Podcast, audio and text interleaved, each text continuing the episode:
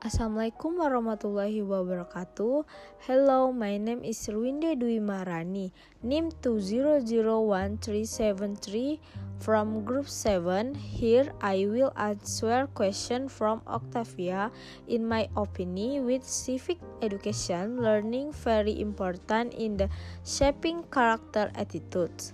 This has been very effective in in this pandemic, namely by learning outside the school environment in the this case online learning that is the long distancing with citizenship education. Learning can create character in the student with the existence of the learning citizenship education is very effective because there is, there is a long of material related to character building in the student with this material.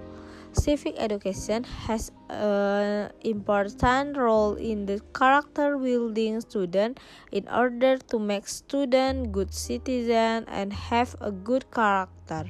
Thank you.